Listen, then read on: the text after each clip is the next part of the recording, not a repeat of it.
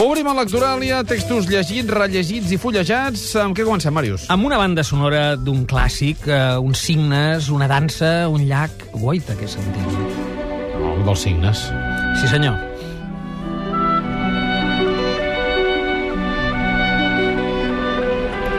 Tchaikovsky ens va portant fins a...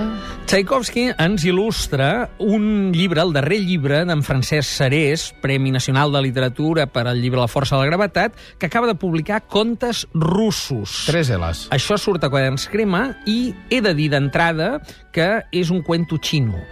Ah, És ja li estàs canviant el títol. És a dir, aquests contes russos és, són un invent que és un joc literari interessant que fa en Francesc Serés. Ell s'inventa una antòloga, una tal Anastàcia Maximovna, i fa una antologia de contes russos del segle XX, eh? Uh, I, per tant, hi ha 21 contes de 5 autors diferents, russos, uh -huh. uh, aparentment d'estètiques diferents. És un cuento xino, tot ho ha escrit en Serés. No els busqueu ni a Google ni res, perquè no els trobareu. Allò que a vegades fas amb els llibres del Paul Auster, eh? Sí, de dir- si que ell va existir. Vols dir que... Eh, doncs bé, aquí en Serés, eh, ell fa com una, un pròleg, un joc, diguem, literari per fer-nos-hi entrar.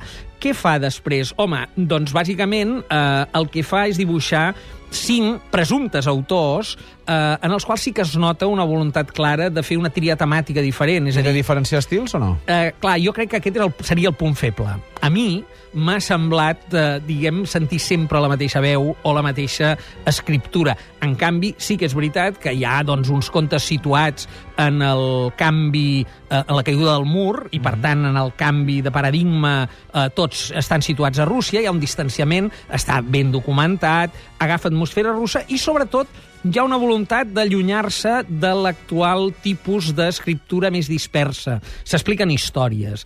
Um, en aquest sentit, és un llibre molt de l'època que retrata. Això sí que ho aconsegueix.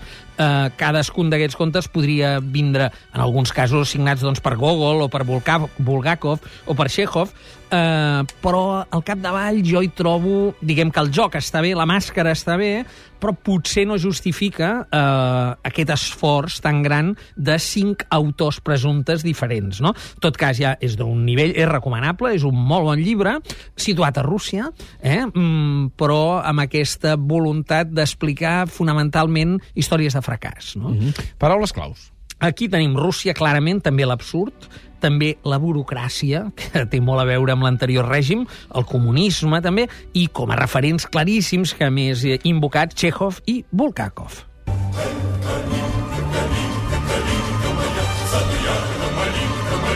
Els contes russos eren abans. Sí, però ja m'he- posat rus, ja, i si ens passem et portaré muntanyes russes i l'ensaladilla, si convé. On som amb el rellegit? Bé, jo he volgut rellegir, aprofitant que el tenia allà pendent, allò que em, em cridava l'atenció, després de la lectura d'en Serés, he agafat un, eh, la vida de reverend Vasily Fiveisky, que això és una novel·la del Leonid Andreyev, publicat a Anciola, que és una editorial mallorquina eh, molt exquisida. Eh, traducció del rus de B. Markov i Pau Cirera, m'imagino que, diguem, un dominant més el rus i l'altre el català, llengua d'arribada. Això és una novel·la de l'any 1909.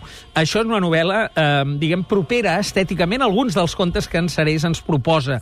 Eh, de fet, és la novel·la de fatalitat, d'una fatalitat anunciada des de la primera frase que diu damunt la vida de Vasily Fiveisky pesava un destí sever i misteriós tu ja entres aquí i dius, a veure, quin serà aquest destí, no? Doncs aquest destí és que aquest home eh, tenia clar que ell seria un home de fe, una fe cega.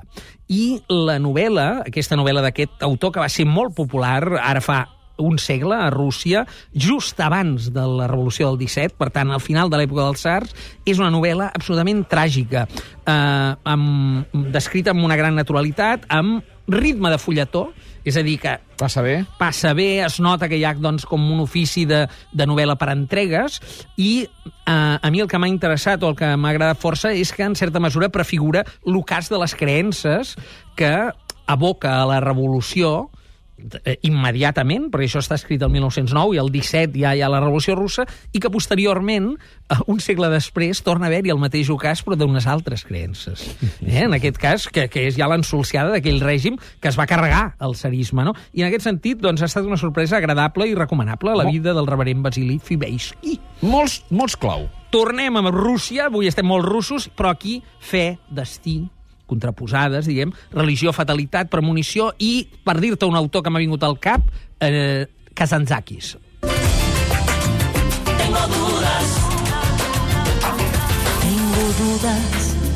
La Lucrecia, amb dudes, il·lustra el fullejat. Sí, és, ja veuràs que és un, diguem, una il·lustració musical molt òbvia. El Directe, llibre es diu sí. Tinc més dubtes. Ja hi som. Eh, és del Rodolf Ortega, eh, lingüista d'aquesta casa, un lingüista que ja havia triomfat, i ho he de dir d'aquesta manera, eh, triomfat, clarament, eh, amb el primer, que deia tinc dubtes, o tinc un dubte, ara en té més. Eh? Sí. Aleshores, què fa? Eh, Aquest és un llibre que està molt calent, eh? justament es presenta aquest vespre, i per tant el trobareu a les llibreries des d'allà. Eh, diu en el subtítol El petit llibre del català correcte 2. Eh?